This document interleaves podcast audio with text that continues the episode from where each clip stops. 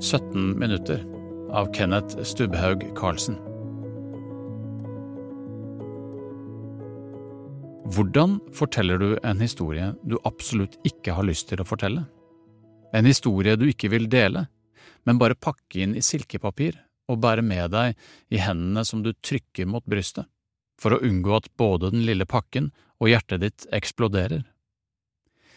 Historien om barnet mitt, som jeg ikke kunne hjelpe, ikke kunne oppleve at vokser opp, ikke kunne ha hos meg.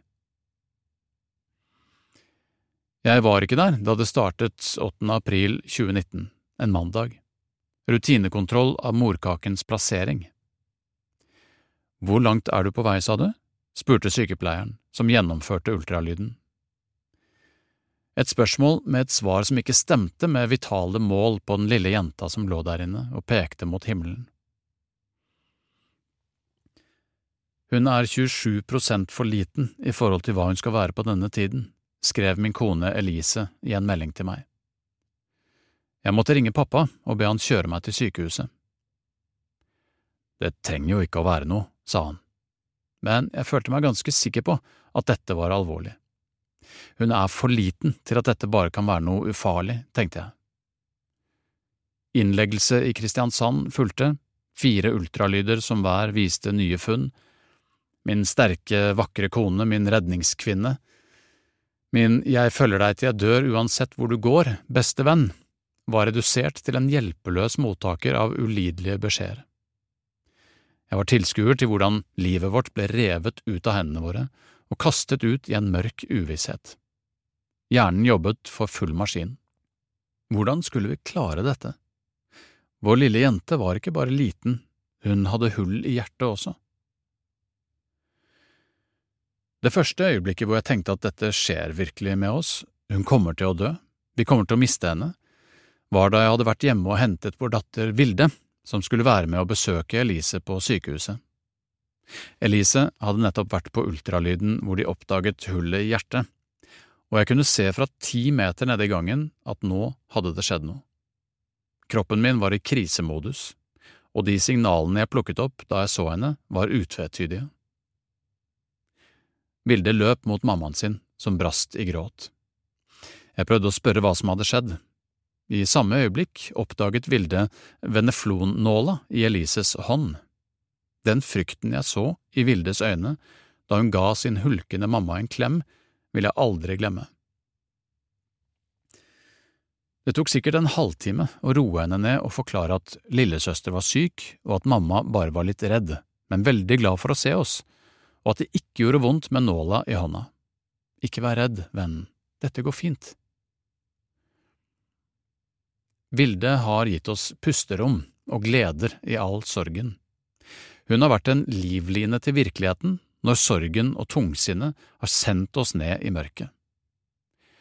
Hun har tvunget oss til åpenhet og til å sette ord på sorgen og alt det vonde tvunget oss til å forsøke å forklare det hele til en treåring som gledet seg til å bli storesøster. En treåring som fortsatt er storesøster. Det er bare det at lillesøster er død og ligger i graven. En utrolig modig og beintøff treåring som var den første som fikk holde lillesøster etter at hun var død, og som var med å stelle og skifte på lillesøster før vi sammen la henne i kista. En hylgråtende treåring som vinket til lillesøster da hun ble kjørt av gårde i begravelsesbilen, før hun ett minutt senere ble en yrende treåring som oppdaget at det var snø på bakken.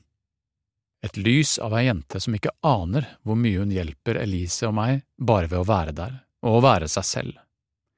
Som kan begynne å snakke om lillesøster ut av det blå, som vi ser bilder og video fra fødselen, som er så stolt som bare storesøstre kan være.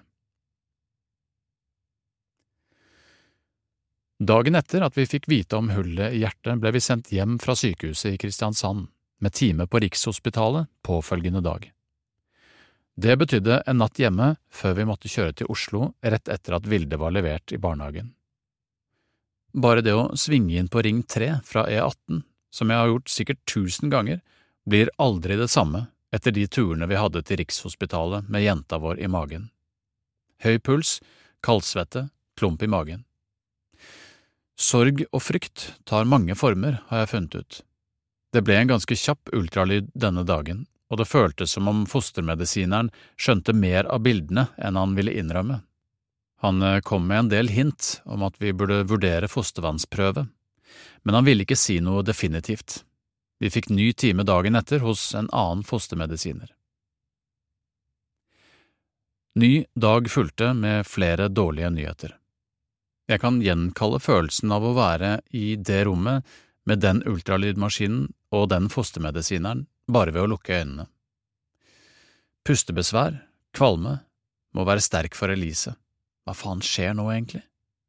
Knyttede hender, mulige misdannelser på den ene hånda, feil i ryggraden, kan tyde på kromosomfeil. Vil vi ta fostervannsprøve? Samtale om risiko, mobilisere kroppen for å tenke, vurdere, avgjøre, kan gå i fødsel, hjernen jobbet på høygir og filtrerte ut støyen. Ja, vi måtte vite, så klart vi måtte vite. Vi måtte vite hva som var galt med jenta vår. Minutter senere gikk vi nedover trikkeskinnene mot bilen, med armene rundt hverandre, og jeg kjente at nå eksploderer jeg snart. Måtte bare komme meg inn i bilen orket ikke kollapse langs veien, orket ikke folk og blikk, selvbevisst til det siste. Jeg rakk knapt å sette meg inn før det brast, og fem dager med gruslegging av livet slik jeg kjente det, kom ut. Vonde, skjærende hulk og hikst, jeg hamret på rattet. Elise la hånden sin på armen min og så tomt ut i luften. Det var ikke mer igjen av oss. Vi la igjen livet i det ultralydrommet. Det var fredag før palmehelgen, og vi kjørte i taushet fra Oslo til Grimstad. Måtte bare komme oss hjem til Vilde. Vi dro tilbake til Oslo påfølgende tirsdag for ny kontroll. Det var funnet noe i fostervannsprøven som måtte dobbeltsjekkes. Det kunne tyde på trisomi 18, noe vi var forespeilet med symptomene vi hadde fått vite om uken før. Dagen etter kom bekreftelsen. En helt utrolig jævlig beskjed men likevel var det godt å få et svar på hva det var. Vårt dødssyke barn var fortsatt i magen til Elise, og hun levde. Hun fikk navnet Oda. Det ble viktig for oss at hun måtte få en identitet med en gang. Hun kunne ende opp med å dø i magen, men da skulle hun i alle fall dø som seg selv. Etter påske måtte vi på nytt til Rikshospitalet. Nå måtte vi velge veien videre. For vår del handlet det om å spare Oda for lidelse. Kunne hun overleve en fødsel? Kunne hun leve lenge? Google var en dårlig venn i denne fasen. Noen få klikk videre fra et søk på trisomi 18 fører deg til utrolige historier, religiøs fanatisme og et mylder av alternative teorier. Det var ubeskrivelig tøft å navigere i den situasjonen vi var i. Heldigvis var legene vi snakket med, direkte og saklige, Oppi alt var vi veldig takknemlige for oppfølgingen og måten vi ble møtt på. Her var det ingen sminking av virkeligheten, ingen håpløse drømmer å oppfylle, ingen mulighet i enden, kun døden på et uvisst tidspunkt. Vi landet på at vi ville ha lindrende behandling om hun klarte seg gjennom en fødsel. Minst mulig smerte, mest mulig kjærlighet.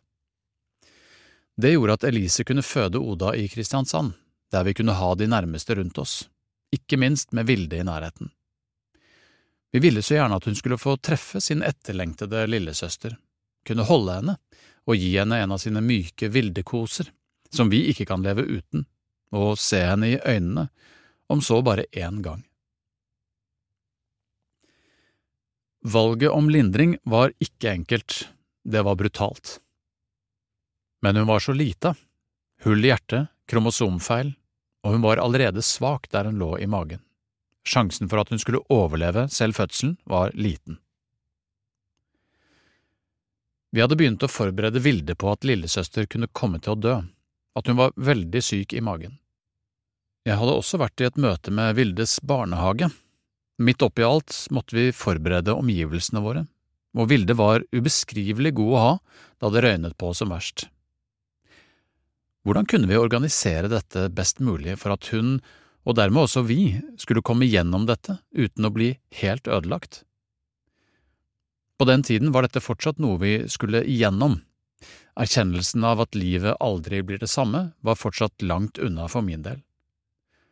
Jeg hadde en veldig fin samtale med en av lederne i barnehagen, og de var så oppmerksomme og til stede for Vilde i denne perioden. Vi ønsket jo at ting skulle være mest mulig normale for henne, samtidig som vi inkluderte henne i våre følelser. Det var så viktig for oss at hun forsto at selv om vi gråt, var det ingen sin feil. Selv om vi var lei oss, var vår kjærlighet til henne uforandret og uslitelig. Men vi kunne jo aldri vite om hun forsto ordentlig. Gikk ordene våre inn? Den byrden var så vanvittig tung å bære på toppen av at vi kom til å miste Oda. Vi skulle ikke, kunne ikke, miste oss selv i sorgen og tungsinnet. Vi snakket så mye om det som vi følte var forsvarlig for en treåring å ta inn. Selv om mamma og pappa gråter, trenger vi ikke å si unnskyld, sa hun. Det vil alltid være brent fast i minnet mitt. Enda så forferdelig det var å høre det, følte vi i alle fall at hun hadde forstått at noen ganger kommer det tårer, og det er det ikke noe å gjøre med, annet enn å trøste og være der. Og hun var der for oss, hele tiden. En drøy uke etter påske var vi til kontroll hos en fødselslege i Kristiansand. Kalenderen viste 29. april, og vi ble enige om at 8. mai kunne være en ok dag for fødsel. Hun var streng på en god måte, sa de nødvendige tingene da vi hintet om selvbebreidelse for valget om lindring, ga oss medisinske grunner for valget vårt og dro hjernene våre tilbake fra endeløse internettsøk til virkeligheten som vi sto i, og som kun vi skulle forholde oss til. Kontrollen etter samtalen viste at Oda var blitt svakere. For første gang siden 8. april viste målingene en dårligere blodgjennomstrømming, og vi ble kastet ut i nok et valg. Dersom vi skulle ha et håp om å treffe Oda i live, måtte hun ut kjapt. Den påfølgende kvelden og morgenen har jeg ingen minner fra men jeg vet at vi leverte Vilde i barnehagen før vi kjørte til Kristiansand for å sette i gang fødselen. Vi fikk et rom på fødeavdelingen, snakket med jordmødrene på vakt og fikk møte sykehuspresten. Hvor enn så forferdelig det var, klarte vi ikke tenke annet enn gode tanker om sykehuset i Kristiansand og de som jobber der. Vi ble tatt godt vare på. 30. april var datoen, og vi var ikke på noen måte klar for det som ventet. Likevel måtte vi. Jordmødrene som tok oss imot, var godt forberedt på å møte oss. Vi trengte ikke forklare noe ved vaktskiftet, kun et nytt fjes med like mye omsorg. Etter en stund på et slags ventesoverom begynte ting å skje, og ettersom det ikke var så mange som fødte på den tiden, fikk vi tidlig komme inn på en fødestue. I forkant hadde vi spurt Elises søster, Merete, om hun ville være med oss under fødselen, slik at vi kunne få mest mulig dokumentert i bilder og film. Det var ikke en enkel avgjørelse, det heller, at vi skulle ha noen andre så tett på i de mest sårbare og potensielt mest grusomme øyeblikkene i livet, men vi hadde lest og hørt om andre som har angret på at de ikke fikk tatt særlig med bilder og film, og andre igjen som er veldig glade for at de klarte å få dokumentert så mye som mulig. Derfor var Merete med oss hele veien. På fødestua gikk det tregt, og Elise rakk å kjenne på de tunge tankene. Å skulle gjennomgå en smertefull fødsel uten å få belønningen i form av barnet, gjorde henne ikke motivert for å føde. Det ble bare så meningsløst alt sammen, og inni magen lå det uskyldige lille vesenet og ventet. Vi hørte hjertelyd til det siste, men da fødselen virkelig kom i gang, ble hun ikke overvåket. Lindrende behandling. Lindrende, det frykteligste ordet i ordboka. Det er over, men ikke ennå. Jeg gjorde meg noen erkjennelser i den verste perioden. En av dem er at det ikke går an å være på bunnen hele tiden. På et tidspunkt kobler hjernen ut, og selv om det høres utrolig ut, makter du faktisk å le godt av noe selv om du er på fødestua, og du kun er timer unna ditt barns fødsel og død. Det kommer kanskje et stikk av dårlig samvittighet etterpå, men det nytter ikke bare å være lei seg, hjernen kobler ut til slutt.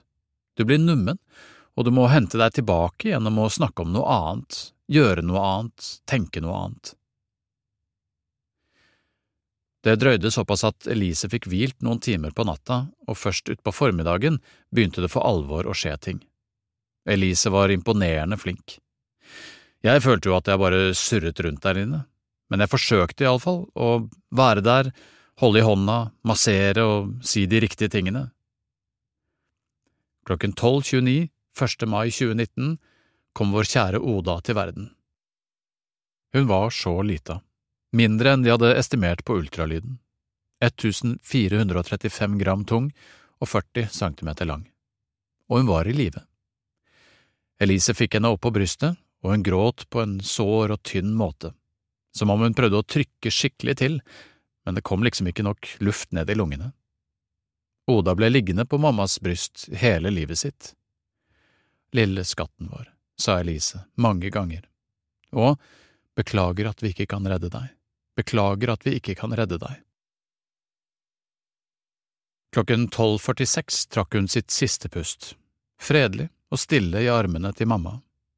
Et helt liv omsluttet av kjærlighet. Et helt liv omfavnet av sin mamma og pappa. Hun rakk til og med å bli døpt, Oda Stubbhaug Karlsen, med tante Merete som stolt fader. Merete fikk også dokumentert hele Odas 17 minutter lange liv i film og bilder, og det er noe som vår lille familie setter uendelig stor pris på. Mens dette foregikk, ventet vår nærmeste familie i kafeen til sykehuset. Etter at vi fikk summet oss, ringte jeg mamma og fortalte at Oda var død, og at jeg snart ville komme ned og hente Vilde og ta henne med for å treffe lillesøster. Turen ned fra fødestua til kafeen er de verste 200 meterne jeg har gått i mitt liv. For hvert steg kom jeg nærmere tidspunktet da jeg måtte fortelle Vilde at lillesøster var død. Vilde var fantastisk som vanlig, løp mot meg og ropte pappa. Hun hadde selvfølgelig holdt show for hele kafeen i noen timer allerede. Akkurat da var det intet menneske jeg heller ville ha i armene mine enn henne en snart tre år gammel livbøye. Jeg fikk snakket litt med familien, men husker ikke noe av det. Så tok jeg Vilde med meg opp, og da vi gikk mellom byggene, skulle hun balansere på fortauskanten mens hun pludret med meg. Så sa hun, lillesøster er litt død. Lillesøster er litt død. Og hun sa det med sin mest trøstende stemme. Kanskje hun hadde en slags barnlig forståelse av at pappaen hennes var helt på bristepunktet, og hun ville forsøke å få meg til å føle meg litt bedre. Vi kom inn på fødestua, der Elise satt i en stol med Oda i armene. Vilde gikk rett bort til dem og var verdens stolteste storesøster fra første sekund. Ikke redd, eller engstelig eller skuffet, kun oppriktig glad for å få møte lillesøster og gi henne en varm kos og ikke minst gi den lille kosekaninen hun hadde kjøpt sammen med farmor dagen før. De små hendene hennes strøk varsomt over det lille ansiktet, det lille ansiktet med lukkede øyne, evig sovende og uvitende om at hun nå lå i armene til verdens beste storesøster.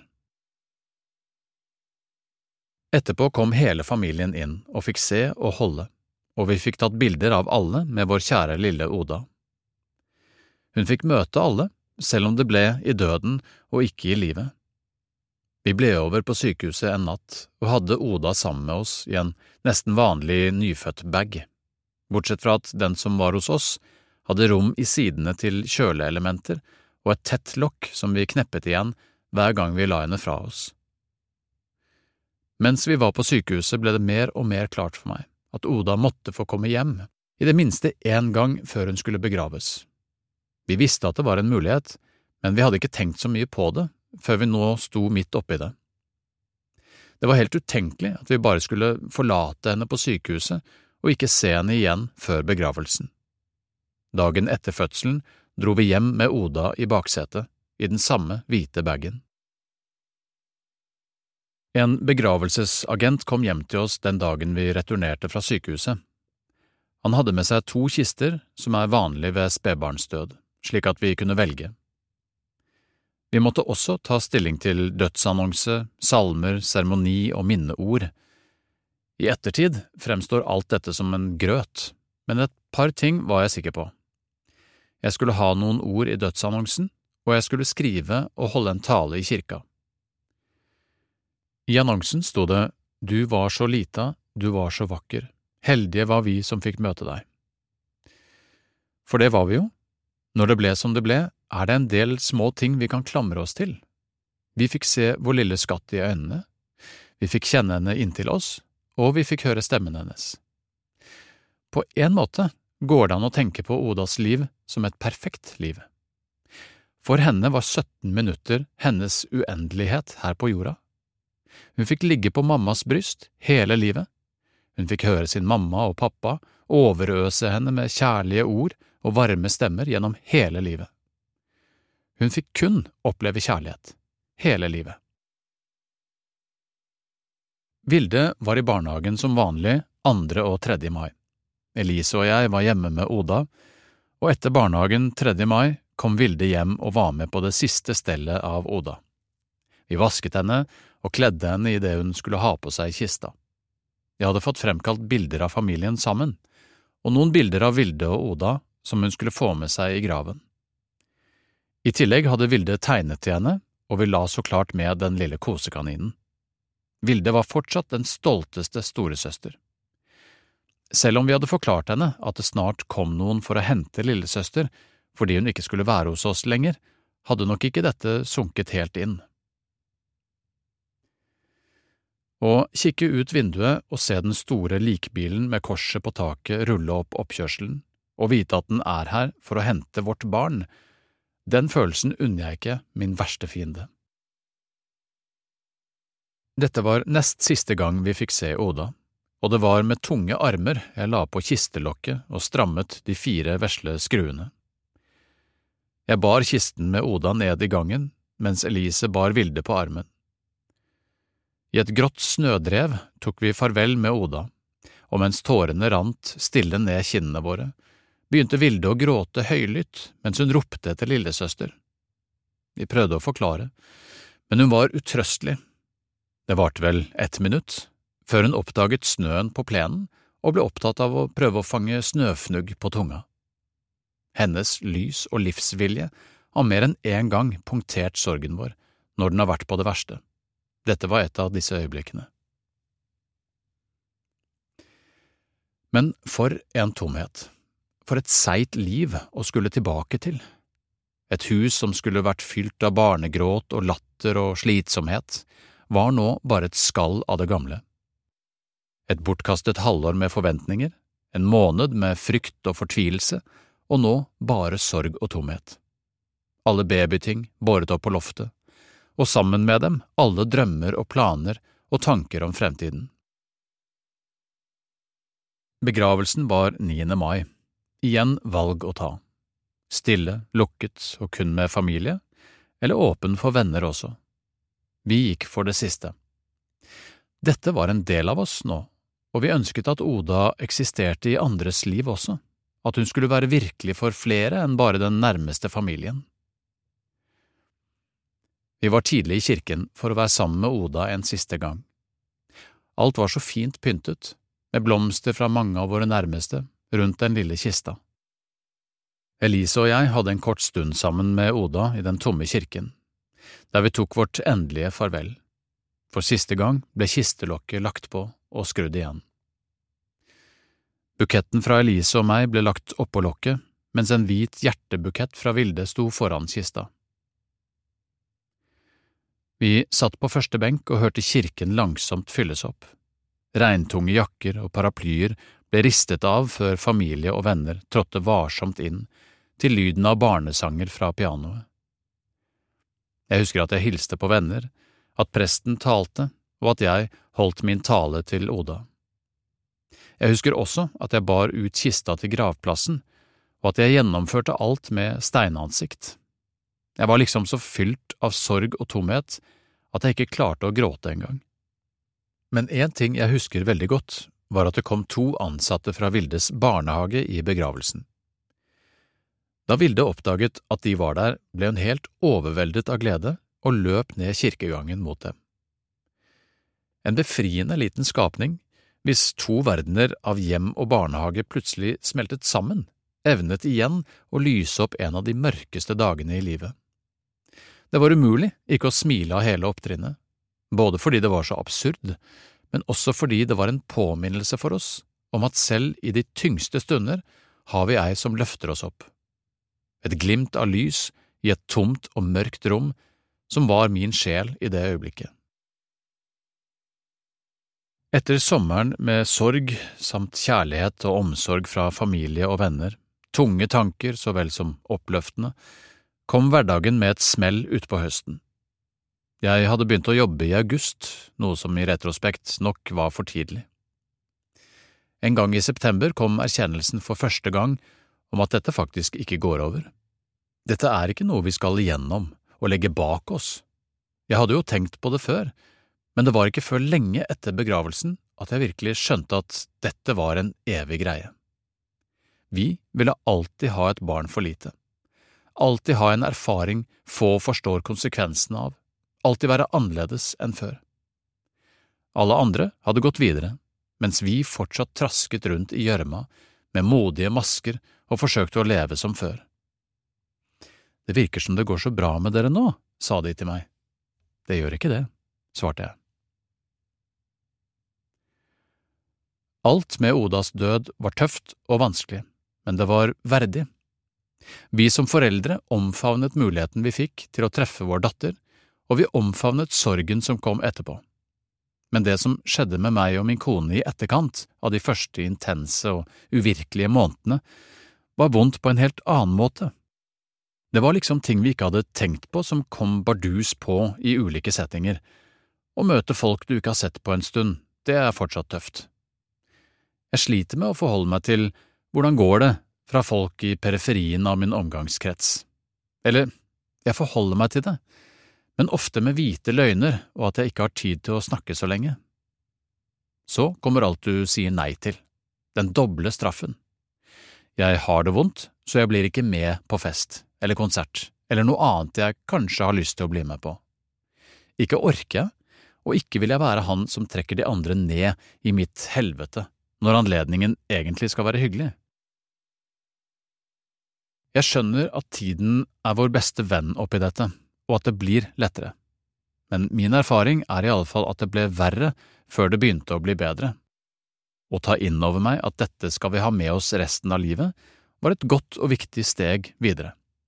Da kunne jeg også begynne å se for meg hvordan det nye livet skulle bli, der hvor savnet og smerten er en del av meg, et savn jeg kan fremkalle på sekunder, når jeg vil, en smerte som kan slå ned som et lyn fra klar himmel og vare i dagevis uten at det er noen spesiell trigger der.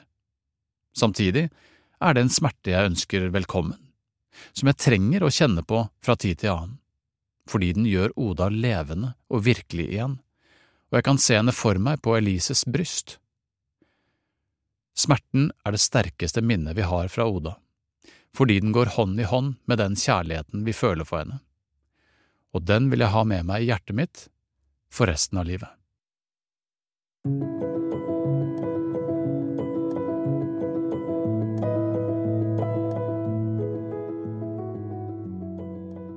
Det med å skrive um, denne historien, eh, det var jo sånn at jeg oppdaga dette prosjektet eh, og tenkte at dette har jeg veldig lyst til.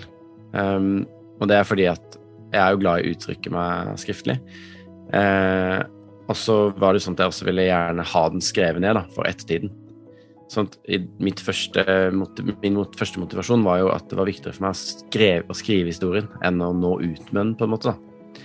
Eh, og så så jeg det jo på som en bearbeiding eh, for meg selv. Eh, å kunne liksom skrive meg gjennom det. Fordi eh, ja, jeg liker å uttrykke meg med tekst og syns det er fint å skrive. Eh, så er det liksom på en måte først i ettertid at man ser den verdien det var å faktisk nå ut med den da, på den måten som det skjedde. Fordi eh, etter at den var publisert hos Lubb, så var den jo både i Feven og Agderposten, som er de store regionsavisene her nede på Sørlandet. Eh, og da hadde den jo altså både digitalt og, og, i papir, og den hadde over 100 000 sidevisninger. Så da plutselig så ble det jo masse trøkk rundt oss, da, og på en måte at vi var offentlig sørgende plutselig. Eh, og det var jo litt spesielt, da, og ikke som en del av en plan, på en måte. Det, var bare, det bare skjedde. Eh, men når vi fikk spørsmål om å publisere det i de avisene, så, så snakka vi jo bare kort om det, min kone, at det, det må vi bare gjøre. Nå er den jo ute der. At flere får lese den, er jo bra eh, for saken, og for at folk kanskje får en liten forståelse av hvordan det er å miste et barn, selv om ikke de kan, kan skjønne det fullt ut. Eh, og det aller viktigste da, som jeg opplevde som viktig, var jo at man får vist frem at dette er ikke noe som går over, da. Og det er ikke noe som man skal gjennom, men det er noe som vi kommer til å ha med oss for alltid, og som vi på en måte må, må leve med da, resten av livet. Så, så, sånn sett så var det på en måte det som var ja, motivasjon for å skrive, og ikke minst også effekten av det, som jo ble ganske stor. Så det var jo, det var jo bra, men også, også tøft, selvfølgelig. Og nå eh, så er vi jo på en måte kommet noen år lenger, eh, og vi har faktisk akkurat fått jente nummer fire. Så etter eh, storesøster Vilde og Oda som vi, som vi mista, så har vi fått Frida, som nå er to år, og så har vi Hermine, som er født i juli nå i år, da. Så eh, livet nå er i utgangspunktet fint, vi har det bra, eh, men så har det jo ikke blitt som jeg hadde tenkt. Eh, Alicia, min kone, altså, vi hadde jo Altså, vi tenkte jo ikke at dette kunne skje, så vår, i våre tanker så skulle vi jo bare ha Vi skulle ha to barn og måtte bli en kjernefamilie, og det skulle bli livet vårt, da. Eh, og så mista vi, og så plutselig får man andre prioriteringer, da. Eh, så nå har vi tre flotte jenter hjemme, og det er jo er veldig hektisk.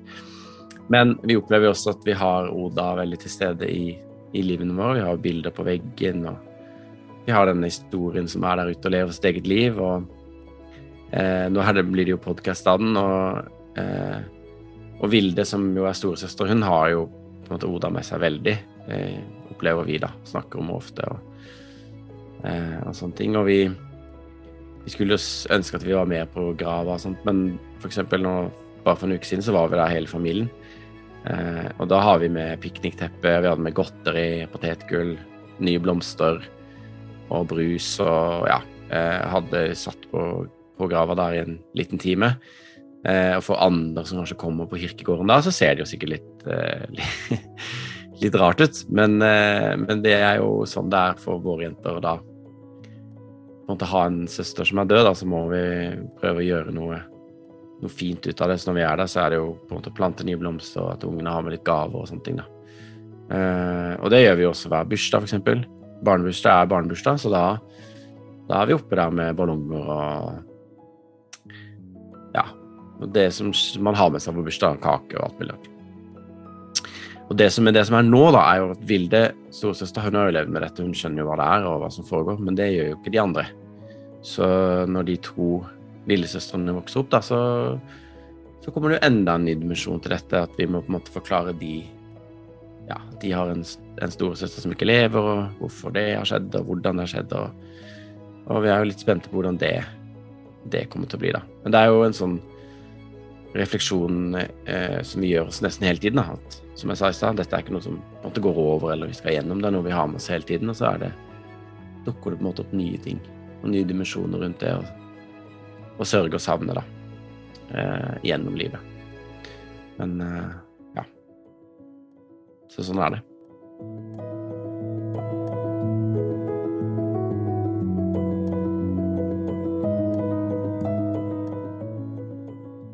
«17 minutter er skrevet av Kenneth Stubhaug Karlsen og ble lest av Kristoffer Steib. Podkasten er utgitt av Landsforeningen Uventet barnedød, med støtte fra stiftelsen DAM. Produsert av Nitro.